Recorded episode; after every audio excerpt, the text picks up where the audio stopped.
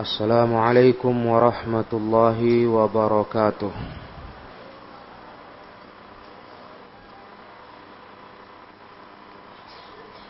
إن الحمد لله نحمده ونستعينه ونستغفره ونعوذ بالله من شرور أنفسنا ومن سيئات أعمالنا من يهده الله فلا مضل له ومن يضلل فلا هادي له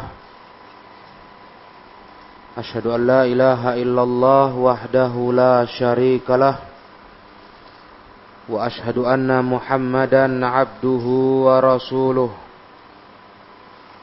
يا أيها الذين آمنوا اتقوا الله حق تقاته ولا تموتن إلا وأنتم مسلمون يا أيها الناس اتقوا ربكم الذي خلقكم من نفس واحدة وخلق منها زوجها وبث منهما رجالا كثيرا ونساء واتقوا الله الذي تساءلون به والأرحام إن الله كان عليكم رقيبا يا أيها الذين آمنوا اتقوا الله وقولوا قولا سديدا يصلح لكم أعمالكم ويغفر لكم ذنوبكم ومن يطع الله ورسوله فقد فاز فوزا عظيما. فإن أصدق الحديث كتاب الله وخير الهدى هدى محمد صلى الله عليه وسلم وشر الأمور محدثاتها فإن كل محدثة بدعة kulla bid'atin dhalalah wa kulla dhalalatin finnar. Amma ba'd kaum muslimin para jemaah yang dirahmati Allah Kajian kita malam hari ini akan memasuki babul i'tikaf. Bab tentang i'tikaf. I'tikaf ini sebuah bahasa yang kalau ditinjau secara etimologi pengertian secara kata I'tikaf maknanya luzumus syai'i. Menetapi, menekuni sesuatu. Itu penggunaan kalimat atau kata i'tikaf dalam bahasa Arab. Wahabsun nafsi alaihi menekuni, menetapi sesuatu dan menahan diri pada sesuatu itu. Itu dalam tinjauan bahasa. Adapun secara syariat, menurut pandangan syariat, syar'an, i'tikaf itu artinya al-maqamu fil masjidi min syakhsin makhsusin. Menetap tinggal di dalam masjid. Makanya dalam sisi bahasa pun memang maknanya menekuni, menetapi. Dalam syariat pun begitu menetap tinggal dalam masjid yang dilakukan orang tertentu, orang khusus. Tetapi ala sifatin maksusoh. Tata caranya, metode menetapnya itu pun khusus. Ada aturan.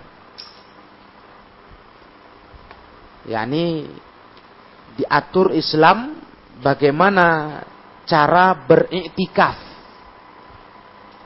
Bukan asal duduk di masjid, tinggal di masjid dikatakan i'tikaf, tidak.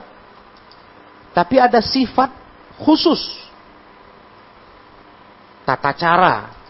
Ini yang insya Allah akan kita pelajari dalam rangkaian hadis-hadis dalam babul i'tikaf. Itu menurut syariat.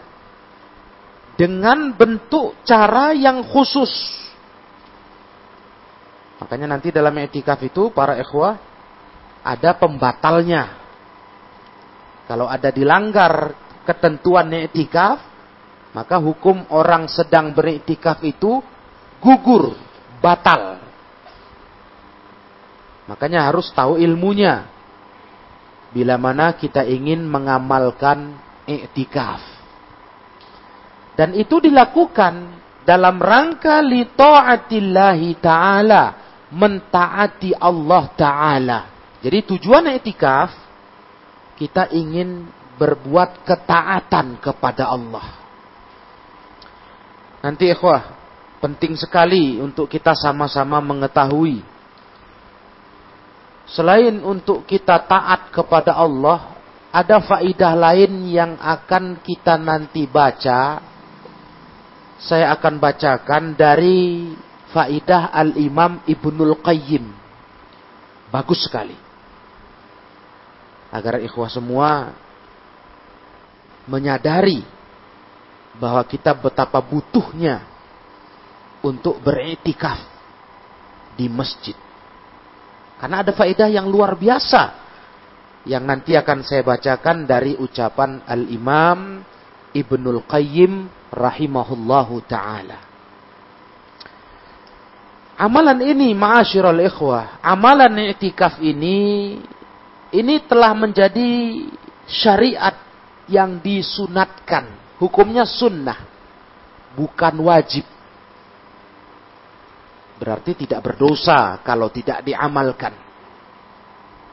Hukumnya disunahkan. Dan ini amalan bentuk mendekatkan diri kepada Allah. Tabaraka wa ta'ala. Nah, dalil amalan itikaf sudah sangat jelas. Baik dari Quran, dari sunnah, dan dari kesepakatan ulama umat. Pensyariatannya jelas. Walau hukumnya bukan wajib. Hukumnya disunatkan Dianjurkan sekali. Dalam Al-Quran, Allah telah berfirman di surah Al-Baqarah ayat 187. Dalil dari kitabullah, dari Al-Quranul Karim. Pensyariatan i'tikaf. Kata Allah Ta'ala, وَلَا تُبَاشِرُهُنَّ وَأَنْتُمْ عَاكِفُونَ فِي الْمَسَاجِدِ Dan jangan kalian menggauli istri-istri kalian sedangkan kalian sedang beriktikaf di masjid-masjid. Lihat kalimat akifuna sedang beriktikaf. Salah satu pantangan yang bisa membatalkan iktikaf adalah menggauli istri. Iya. Ketika iktikaf, dia keluar masjid, di malam hari Ramadan menggauli istrinya. Yang itu hukumnya mubah, boleh, halal. Tapi itu pembatal etikaf. Ya, menggauli istri di malam bulan Ramadan itu boleh. Nah, halal. Tapi itu membatalkan orang yang sedang etikaf. Dan ini dalil bahwa etikaf itu amalan yang dianjurkan. Makanya Allah sebutkan dalam Al-Baqarah ayat 187. Bahkan ma'asyurul ikhwah, di ayat sebelumnya, Al-Baqarah juga, ayat 125 Allah berfirman. Wa ahidna ila Ibrahim wa Ismail an tahira baitiya lit-ta'ifina wal 'akifin war ruka'is sujud. Kami perintahkan kepada Ibrahim, kepada Ismail. Dua nabi Allah yang mulia. Nabi Ibrahim dan anaknya Nabi Ismail. Hendaklah kalian berdua tohiro, sucikan, bersihkanlah baitia, rumahku. Ya, ini Masjidil Haram. Bersihkan, sucikan. Litta'ifina, untuk orang tawaf. Itu yang pertama. Yang kedua, wal akifina, orang i'tikaf.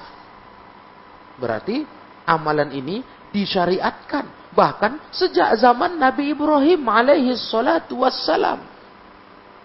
Allah perintahkan beliau dan Nabi Ismail, anak beliau, untuk membersihkan rumah yang mulia dan untuk bisa dipakai tawaf i'tikaf waruka'is sujud dan orang yang ruku dan sujud yakni orang yang beribadah sholat itu ayat 125 di Al-Baqarah. Jadi dari dalil Al-Quran sudah jelas. I'tikaf ini disyariatkan. Dan termasuk amal istimewa. Sehingga Allah menyebutkannya dalam ayat-ayatnya yang menunjukkan amalan ini amalan yang istimewa. Sampai-sampai untuk orang iktikaf salah satunya penyebab Nabi Ibrahim, Nabi Ismail diperintah Allah membersihkan Baitullah Al-Haram. Supaya orang nyaman, nyaman tawaf, nyaman iktikaf dan nyaman sholat. Jadi sudah jelas ini para ekor yang mulia. Tidak ada yang meragukan dari mazhab mana pun, dari ulama mana pun tentang pensyariatan i'tikaf. Nah. Nah, kemudian para ulama sepakat sepakat tentang pensyariatannya, sepakat semuanya. Sampai-sampai Imam Ahmad dalam satu ucapannya Ahmad bin Hanbal rahimahullah pernah berkata, La a'lamu an ahadin min ahlil ilmi khilafan annahu masnun. Aku tidak pernah tahu, kata beliau, seorang pun ulama, ahli ilmu, yang berselisih tentang amalan iktikaf itu sunnah. Aku nggak pernah tahu ada perselisihan tentang itu.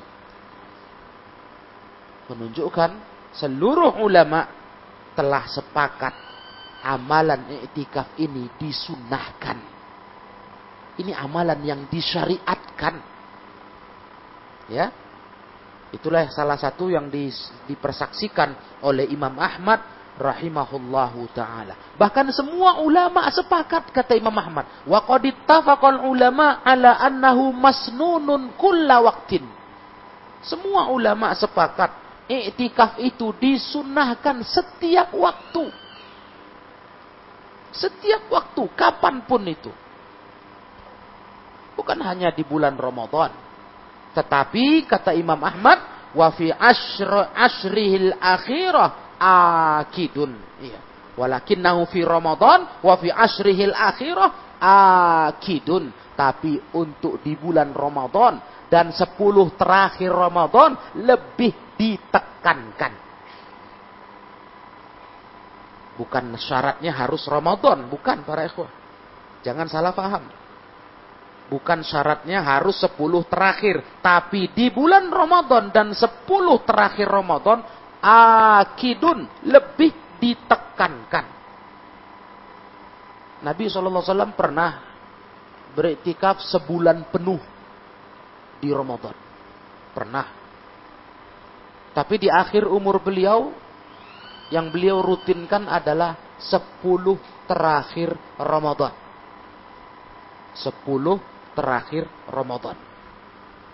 Jadi mulai 20 Ramadan masuk ke malam 21 sudah mulai beriktikaf.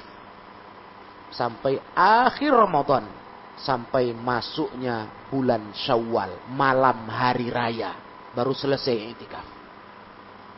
Nah, jadi begitulah ma'asyiral ikhwah yang dirahmati Allah tabaraka wa taala. Kita sudah paham apa itu i'tikaf. Berdiam diri di masjid di masjid ya. Bukan di sembarang tempat. Bukan di tempat khusus. Itu bukan dikatakan i'tikaf. Beda. Kalau secara bahasa memang betul. I'tikaf itu luzumus syai' Betul. Menetapi sesuatu. Habsun nafsi alaih. Menahan diri di situ. Tapi itu secara bahasa. Kalau secara syariat harus menetapnya itu di masjid. Maka jangan pakai bahasa itikaf kalau ada orang menetap di tempat di luar masjid. Itu bukan itikaf namanya. Secara syariat. Jangan dipakai sembarangan kata ini. Sedang apa engkau? Itikaf di kamar. Secara bahasa betul, menetap. Tapi secara syariat salah. Kalimat itikaf ini kalimat yang dikenal secara syariat. Kalau kita bicara etikaf, kita harus memahaminya dengan syariat. Maka harus menetapnya di masjid. Di, diamalkan itu oleh orang tertentu dengan cara khusus tertentu yang diatur oleh agama dalam rangka mentaati Allah Ta'ala. Nah, kenapa para ikhwah? Kenapa bab iktikaf ini dibawakan setelah bab masalah puasa? Kenapa?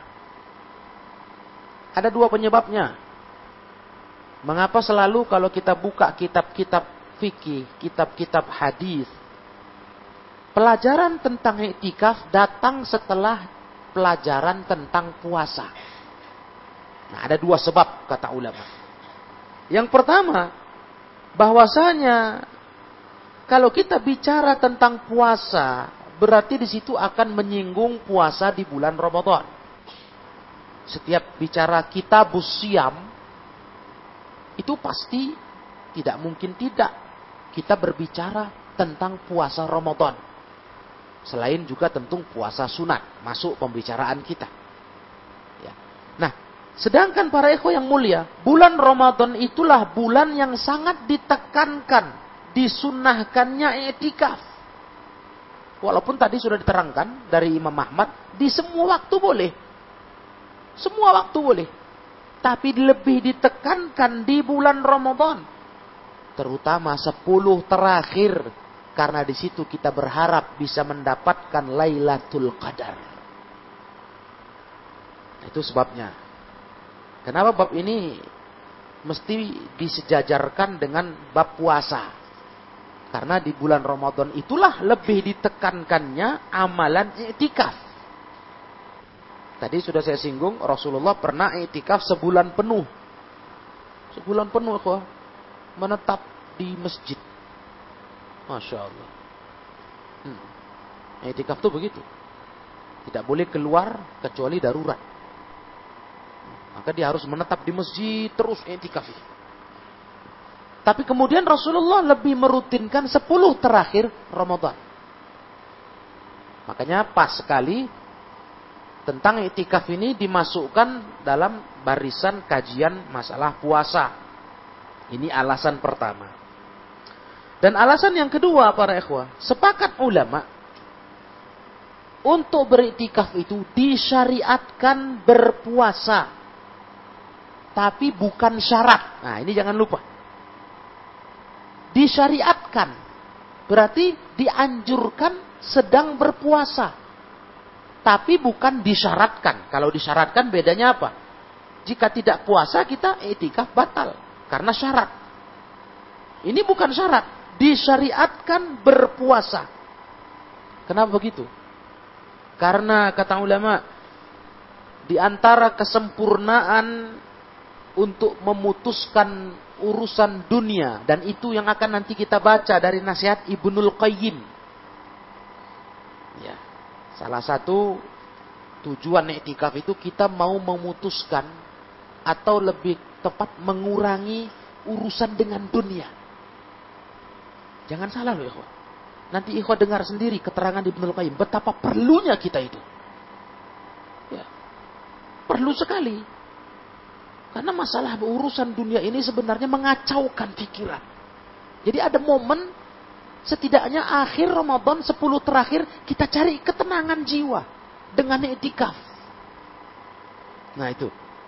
Nah berhubung tujuannya itu maka demi mencapai kesempurnaan tujuan memutuskan hubungan dengan dunia, menjauhkan diri dari syahwat, maka lebih pantas, lebih baik iktikaf itu dijalani saat kita berpuasa. Bukan disyaratkan, dianjurkan biar sempurna tujuan iktikaf. Makanya yang tepat itu di bulan Ramadan.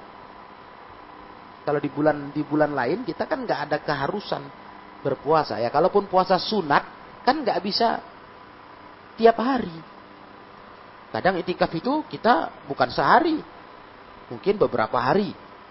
Nah, walaupun bukan syarat. Kenapa bukan syarat, ikhwah? Karena Rasulullah Shallallahu Alaihi Wasallam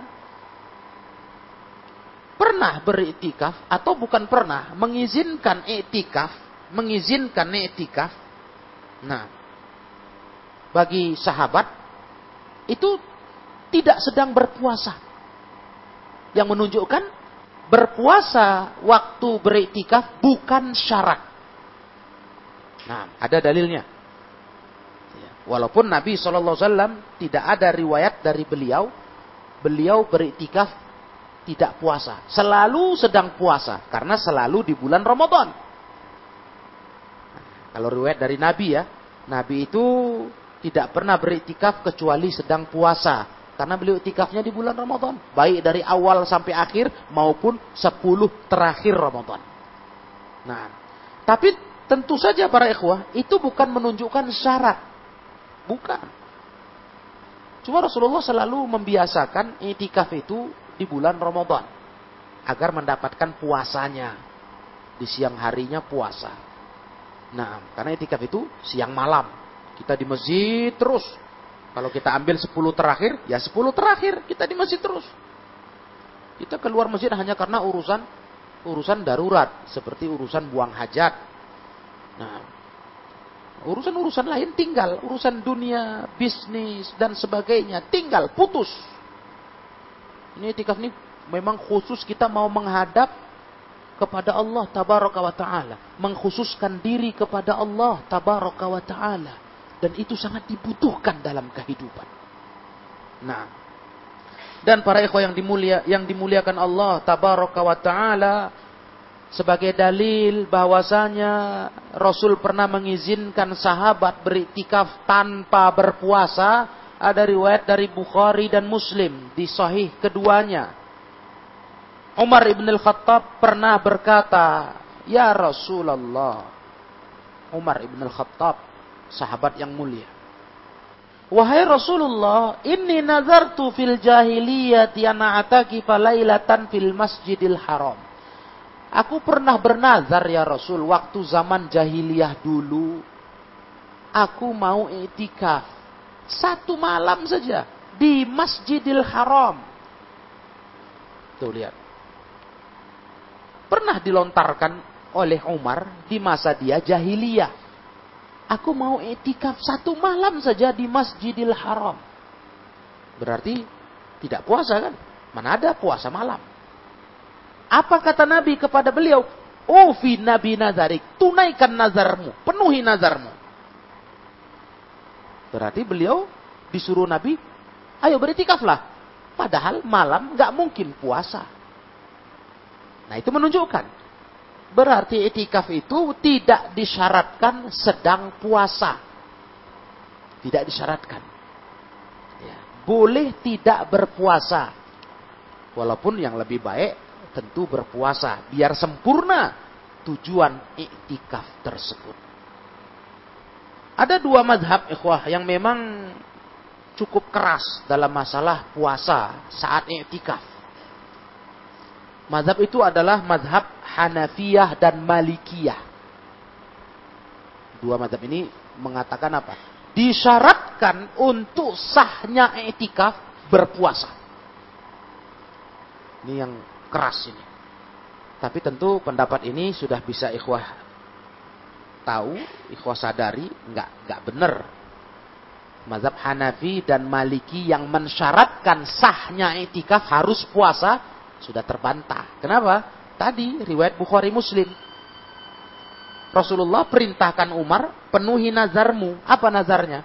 Mau itikaf malam hari, satu malam saja di Masjidil Haram. Kalaulah syaratnya harus puasa, tentu tidak sah lah itikafnya Umar ibn al-Khattab. Karena nggak ada orang puasa malam hari. Kan begitu para jemaah yang saya muliakan. Nah, berarti pendapat mazhab Hanafi Maliki lemah. Yang mensyaratkan harus puasa. Itu syarat sah itikaf. Yang benar adalah mazhab Hambali, mazhab Syafi'i. Dalam hal ini yang mengatakan tidak syarat. Puasa itu tidak syarat.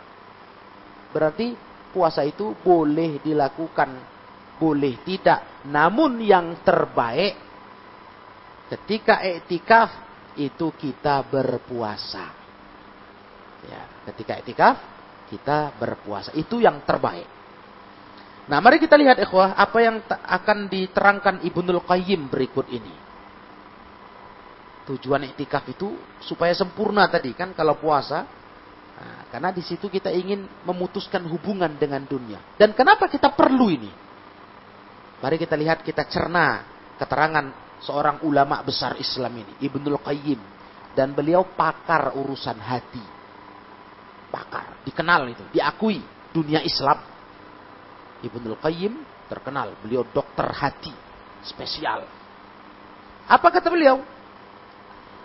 Bagusnya hati lamma kana solahul qalbi bagusnya hati wastiqomatuhu dan istiqomahnya hati ala tariqi sairi ilallahi ta'ala untuk berjalan menuju Allah tabaraka wa ta'ala. Bagaimana biar hati itu bagus dan istiqomah konsekuen tidak goncang tidak goyah? Ya karena hati ini aduh tahu betul lah hati kita ini goncang. Makanya kita sering berdoa disuruh Nabi, diajarkan Nabi, Allahumma ya muqallibal qulub, sabit qalbi ala dinik. Ya Allah yang bolak balikkan hati, kuatkan, kokohkan hatiku di atas agamamu. Karena hati kita ini goncang. Bisa terbolak balik saja para.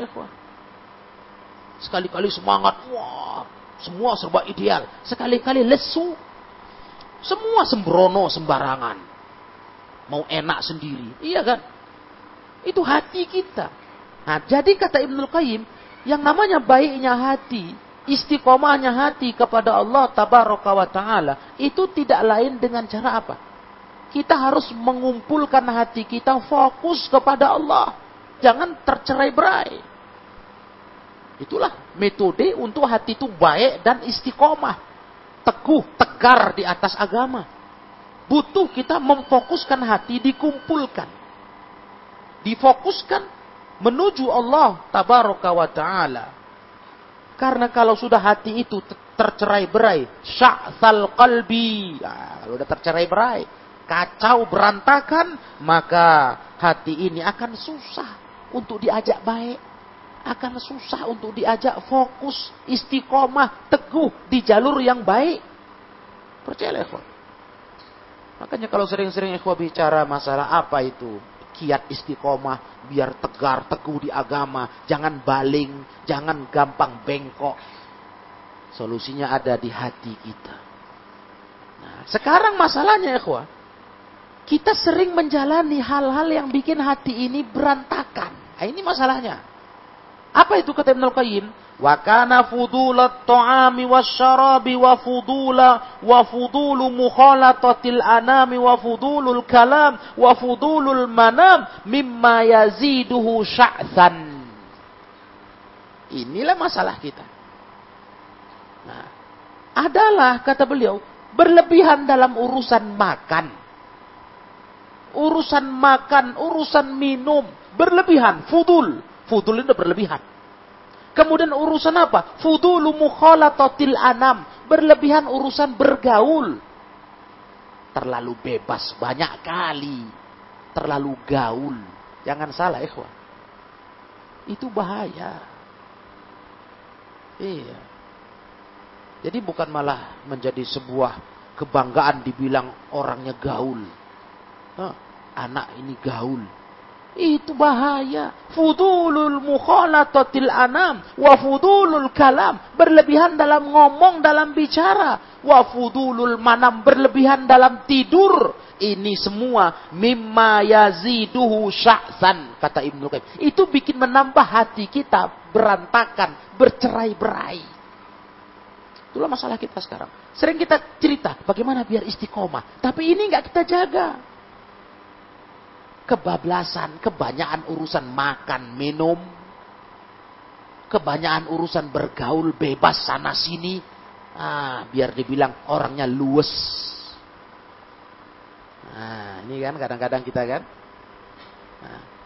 nah, pandai membatasi diri, memilah, memilih, nah, semuanya dirangkuli, didekati dengan dalih. Kita kan butuh berteman, bersaudara katanya, tapi ingat itu ada batasan. Kalau fudul berlebihan, lepas bebas tanpa kontrol, itu bikin kacau. Kacau pikiran, kacau hati. Iyalah. Kan kan begitu, Karena ter, kita akan terbawa kepada apa? Telinga lebih banyak mendengar cerita. Lebih banyak mendengar kabar, berita yang enggak enggak karu enggak karukan. Namanya mulut manusia ini beda-beda. Yang beginilah, yang begitulah, bahas ini, bahas itu. Mau nggak mau karena kita terlalu bebas, terlalu merdeka bergaul, kuping pun nampung semua.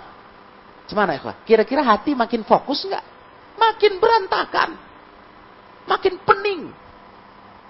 Coba rasakan sendiri itu. Ini Ibnul Qayyim ini yang bilang. Tahu beliau. Memang ini luar biasa efeknya nih. Kebanyakan bekawan, makan, minum, tidur, ngomong. Kacau. Nah, jadi karena itulah para eko yang mulia. Ketika kita berpuasa, kata kita memutuskan urusan makan minum, ya kan? Kita putuskan.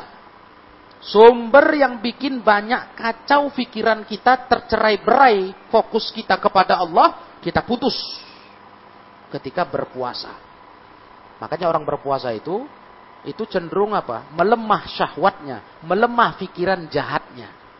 Karena sumbernya dia stop. Makanya bulan Ramadan bulan penuh berkah, ampunan, penuh rahmat, dibelenggu setan. Ya itu tadi. Karena sumber yang bikin kacau pikiran ini, makan minum kita putus siang hari. Itu makanya orang puasa lemas. Iya. Dorongan syahwat, pikiran negatif itu mengecil. Itu dia.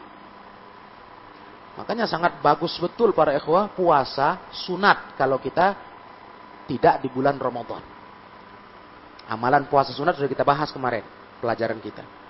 Apakah puasa putih tiga hari tiap bulan, puasa Senin Kamis, ya, atau mungkin lebih sanggup puasa Daud sehari puasa sehari buka. Itu luar biasa.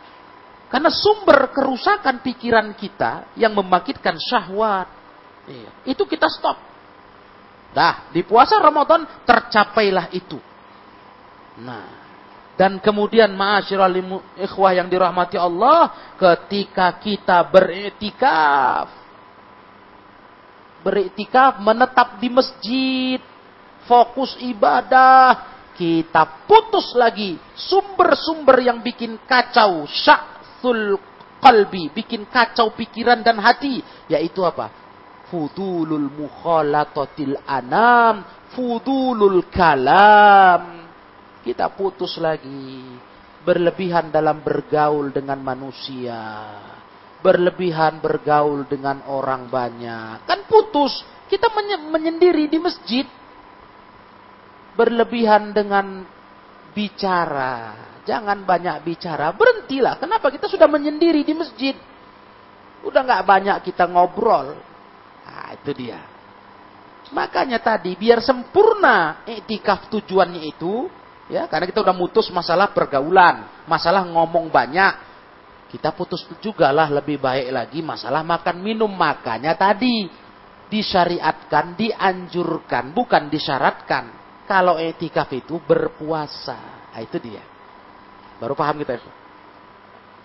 Nah, karena itu kita butuh ya. Kita butuh memfokuskan hati kepada Allah yang sering tercerai berai. Iya. Karena urusan dunia ini kan luar biasa ini. Luar biasa. Bercabang-cabang pikiran kita. Nggak, nggak fokus itu. Banyak kali. Ini, itu. Ais, runyam sudah. Ya. Jangankan yang sifatnya yang sunat-sunat urusan hidup. Yang wajib saja. Tanggung jawab wajib kita. Udah terasa beban kali otak kita. Tanggung jawab wajib ya. Mengurus keluarga, menafkahi. Itu udah satu hal yang membuat menguras pikiran untuk bercabang. Belum lagi yang sunat. Nah, mengurus dunia yang sifatnya disunatkan. Belum lagi, na'udzubillah, ini lagi. Yang nggak berfaedah, yang nggak berguna. Nah, itulah akibat apa tadi? Itu, fudulul mukhalatoh. Kebanyakan gaul. Itu kan yang nggak berguna itu. Cobalah apa untungnya? Apa faedahnya? Malah di situ kita terpancing riba. Apalagi cerita. Ah, kadang kita menceritakan aib saudara. Ya kalau aib, itu pun sudah dosa. Ini kadang bukan aib. Cuma dituduhkan kepadanya. Karena banyaknya qila wa qala. Kebanyakan katanya, beritanya, ceritanya. Ini yang bikin kacau, runyam pikiran dan hati. Fudulul mukhalatah. Jadi ikhwah yang saya muliakan. Maka dalam catatan ilmu Islam kalau kita buka nanti nasihat Ibnu Qudamah dalam kitabnya Mukhtasar Minhajul Qasidin, Masya Allah. Beliau sampai menjelaskan itu. Kita butuh berkawan, tapi ada kriterianya, bukan sembarangan orang yang dikenal. Ada kriteria. Itu beliau rinci. Dari bab masalah akalnya, orang berakalkah dia, agamanya, iya, latar belakangnya. Karena kita bu, maunya apa ya Berkawan ini maunya membawa kita kepada jalan kebaikan. Membawa kita lebih dekat ke Allah. Itu mestinya. Ya, itu gunanya. Kalau sudah tidak membawa kita ke sana, ah ini yang harus dihentikan. Itu nasihat beliau itu. Ibnu Kudama. Kitab Mukhtasar Minhajil Qasidin. Nah, dan Imam Ibnu Qayyim pun demikian. Jadi kita butuh mengistirahatkan hati dan pikiran dari kebanyakan gaul. Itulah etikaf tadi. Butuh itu ya, Karena terasa betul ya, terasa betul. Kalau kita nggak banyak nyetop mendengar berita, banyak dengar cakap, aduh kacau. Jadi cabang banyak kali nih. Banyak kali cabang di otak kita yang membuat kita jadi lupa fokus kepada Allah. Sedangkan baiknya hati, konsekuensinya hati di atas agama ini butuh fokus kepada Allah. Maka di itikaf itu bagi ikhwah yang pernah menjalaninya ya. Mungkin pernah menjalaninya di semua masjid bagi yang mengambil pendapat itu atau yang pernah menjalaninya di Masjidil Haram atau mungkin Masjid Nabawi atau mungkin Masjidil Aqsa. Masya Allah, itu beda betul. Ikhwah. Beda itu. Kita kayak plong. Kayak terasa fokus pikiran ini betul-betul kepada Allah tuh lebih gampang. Karena kita nggak ber, ber, berurusan dengan dunia, nggak berkecimpung lagi. Sementara waktu 10 terakhir Ramadan. Itu beda betul. Ketenangan, kenyamanan, ibadah, beda. Nah, ini kita butuh, kita butuh masa-masa seperti itu. Karena kita ingin menjadi orang yang dekat kepada Allah untuk memperbaiki hati kita dan keistiqomahan kita dalam beribadah. Nah, jadi kalaupun kita nggak bisa beritikaf, karena itikaf itu kan walaupun setiap saat bisa, tapi kan lebih baiknya atau lebih diutamakan di bulan Ramadan. Kan bulan Ramadan sebulan dalam setahun.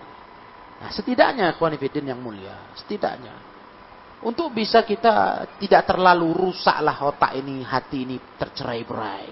Ya, setidaknya kita di bulan di bulan-bulan lain kita puasa sunat.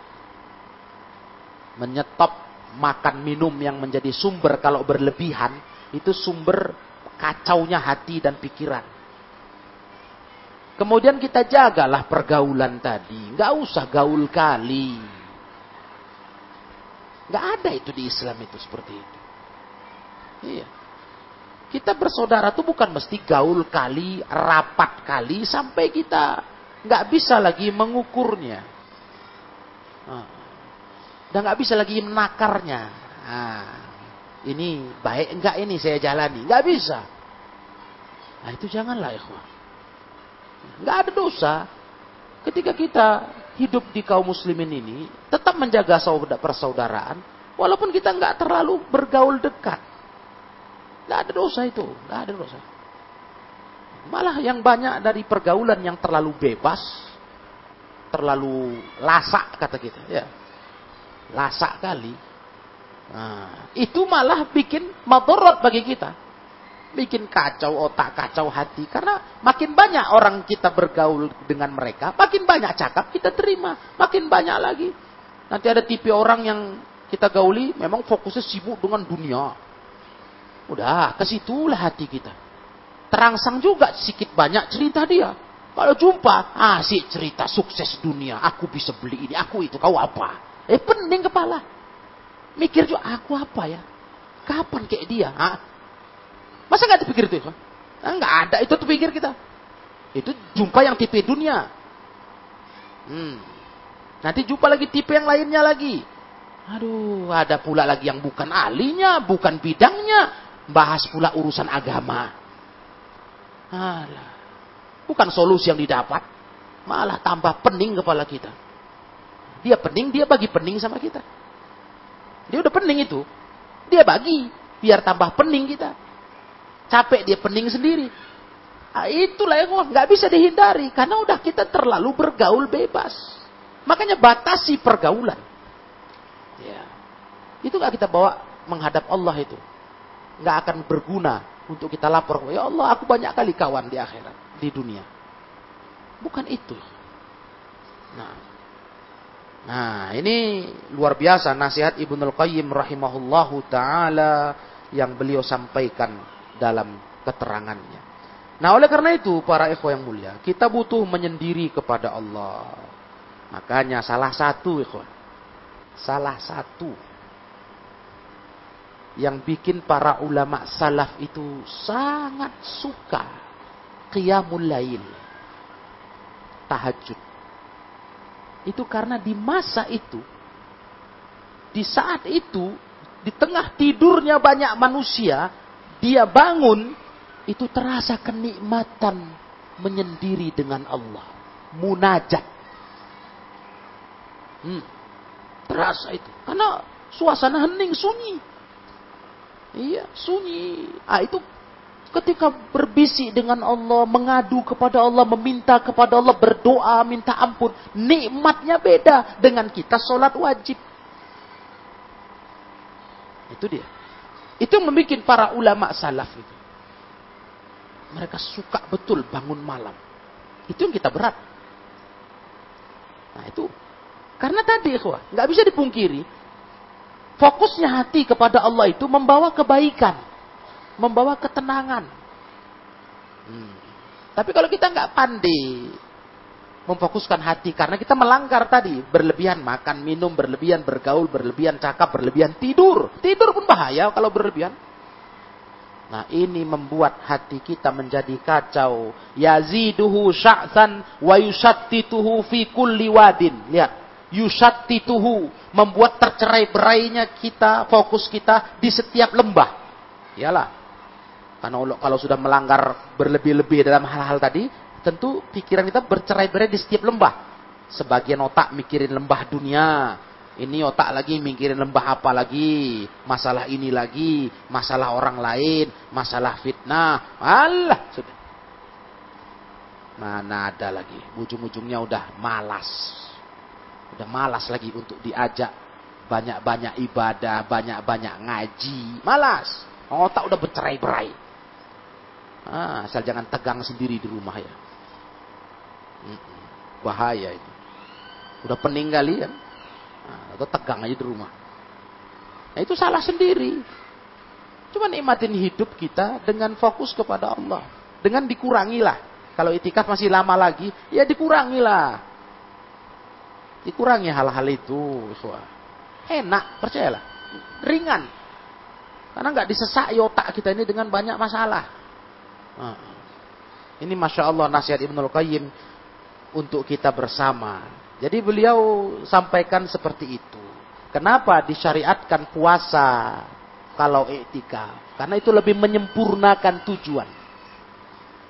Ya, puasa memutuskan tadi sumber-sumber mengacaukan pikiran dan hati, makan minum, syahwat.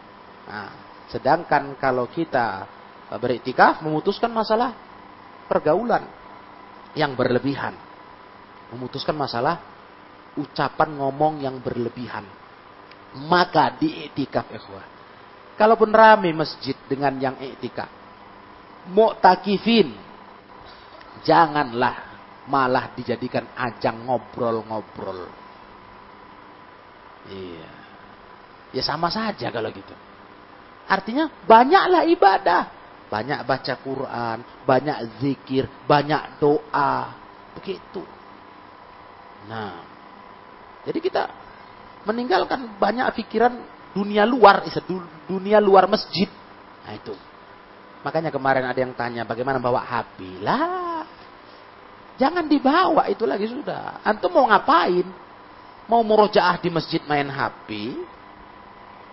Atau mau fokus kepada Allah ini? Lah kalau itu dibawa, itu aja kerja kita ya sama saja.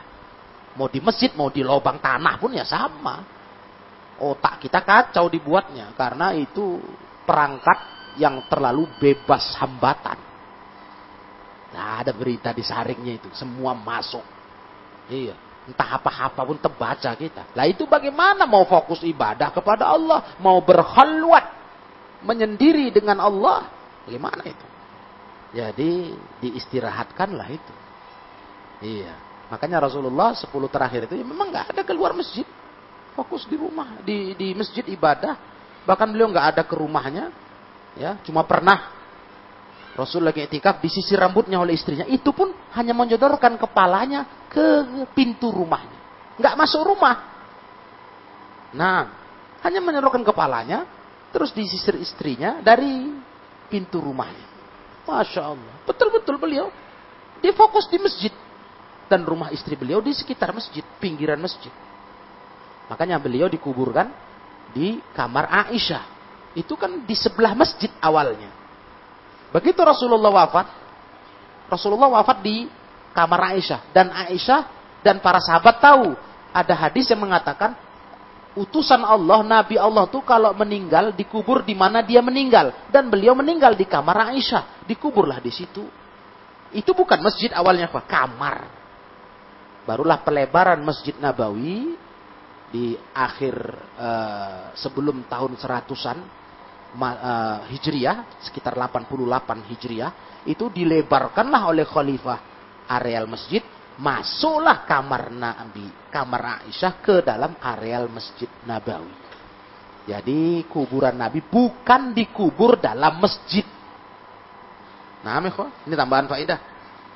Bukan dikubur dalam masjid, itu dikubur di kamar Aisyah kamar Aisyah itu bukan masjid, tapi di samping masjid. Pelebaran Masjid Nabawi, karena nggak mungkin digusur kubur Nabi, mana mungkin dicongkel, dipindah, itu nggak mungkin. Dilarang. Nah, maka tetaplah kuburan di situ, namun dijagalah, dibuat upaya untuk jangan ada perbuatan penyekutuan syirik kepada Allah tabaraka wa taala. Dan Nabi pun waktu etikaf nggak ada masuk kamar. Nggak ada. Di masjid semua tidur di masjid. Semuanya siang di masjid. Masya Allah. Itulah amal Nabi selama etikaf. Nggak ada beliau ke rumah istrinya. Nah, jadi demikianlah kaum muslimin yang dirahmati Allah tabaraka wa ta'ala. Kita baca satu hadis dari bab ini. Hadis 583. An Aisyah radhiyallahu anha anna Nabiyya sallallahu alaihi wasallam kana ya'takiful ashral awakhir min Ramadan. Itu dia. Dari Ummul Mukminin Aisyah, semoga Allah meridhai beliau bahwa Nabi wasallam beriktikaf di 10 terakhir Ramadan. Kemudian hatta tawaffahu Allah azza wa jalla. Itu terus beliau amalkan sampai beliau wafat. Allah panggil beliau menghadapnya. Rutin itu. di Masjid Nabawi. Nah, thumma takafa azwajuhu min ba'di. Kemudian para istrinya pun iktikaf sepeninggal beliau. Para istri Nabi setelah Nabi SAW meninggal dunia itu beriktikaf melanjutkan amalan Nabi SAW. Hadis Bukhari dan Muslim. Karena memang keistimewaan amal itikaf yang dipandang oleh para istri Nabi. Maka beliau-beliau para istri Nabi sepeninggal Nabi melanjutkan itikaf. Kalau Nabi ada, mereka tidak itikaf. Ya. Karena mereka butuh menyiapkan keperluan Nabi Sallallahu Alaihi Wasallam. Karena istri punya tanggung jawab melayani suami. Ketika suaminya meninggal, Nabi meninggal, mereka-mereka tidak boleh dinikahi oleh siapa pun sebagai ibunya kaum mukminin, mereka sudah bebas. Bisa fokus ibadah kepada Allah dan mereka pun etikaf beribadah kepada Allah dengan etikaf sepeninggal Rasulullah sallallahu alaihi wasallam. Nah, begitulah ma'asyiral ikhwah yang dimuliakan Allah, hadis yang pertama atau hadis 583 dari kitab Syarah Bulughul Maram. Ini hadis menjelaskan dalil ya, Nabi SAW sampai wafat beliau, beliau terus beriktikaf di 10 akhir Ramadan. Beliau pernah beriktikaf sebulan penuh di bulan Ramadan, tapi kemudian beliau lebih fokusnya 10 terakhir Ramadan. Nah, jadi demikianlah para jemaah yang dimuliakan Allah. Pelajaran kita di malam hari ini alhamdulillah ini menambah ilmu kita tentang amal i'tikaf untuk kalau kita mau amalkan kita berharap bisa mengamalkannya tentunya dengan ilmu yang benar. Nah, nanti akan sampai kita pada pembahasan di mana tempat yang tepat menjalankan iktikaf. Apakah di semua masjid ataukah khusus di tiga masjid. Nanti ada pembahasan itu dan ada perbedaan ulama dalam memandangnya. Wallahu a'lam bissawab. Nah, demikianlah kita cukupkan pelajaran bab iktikaf ini. Semoga ini bermanfaat. Wallahu a'lam bissawab. Wa akhiru da'wana anil hamdulillahi rabbil alamin.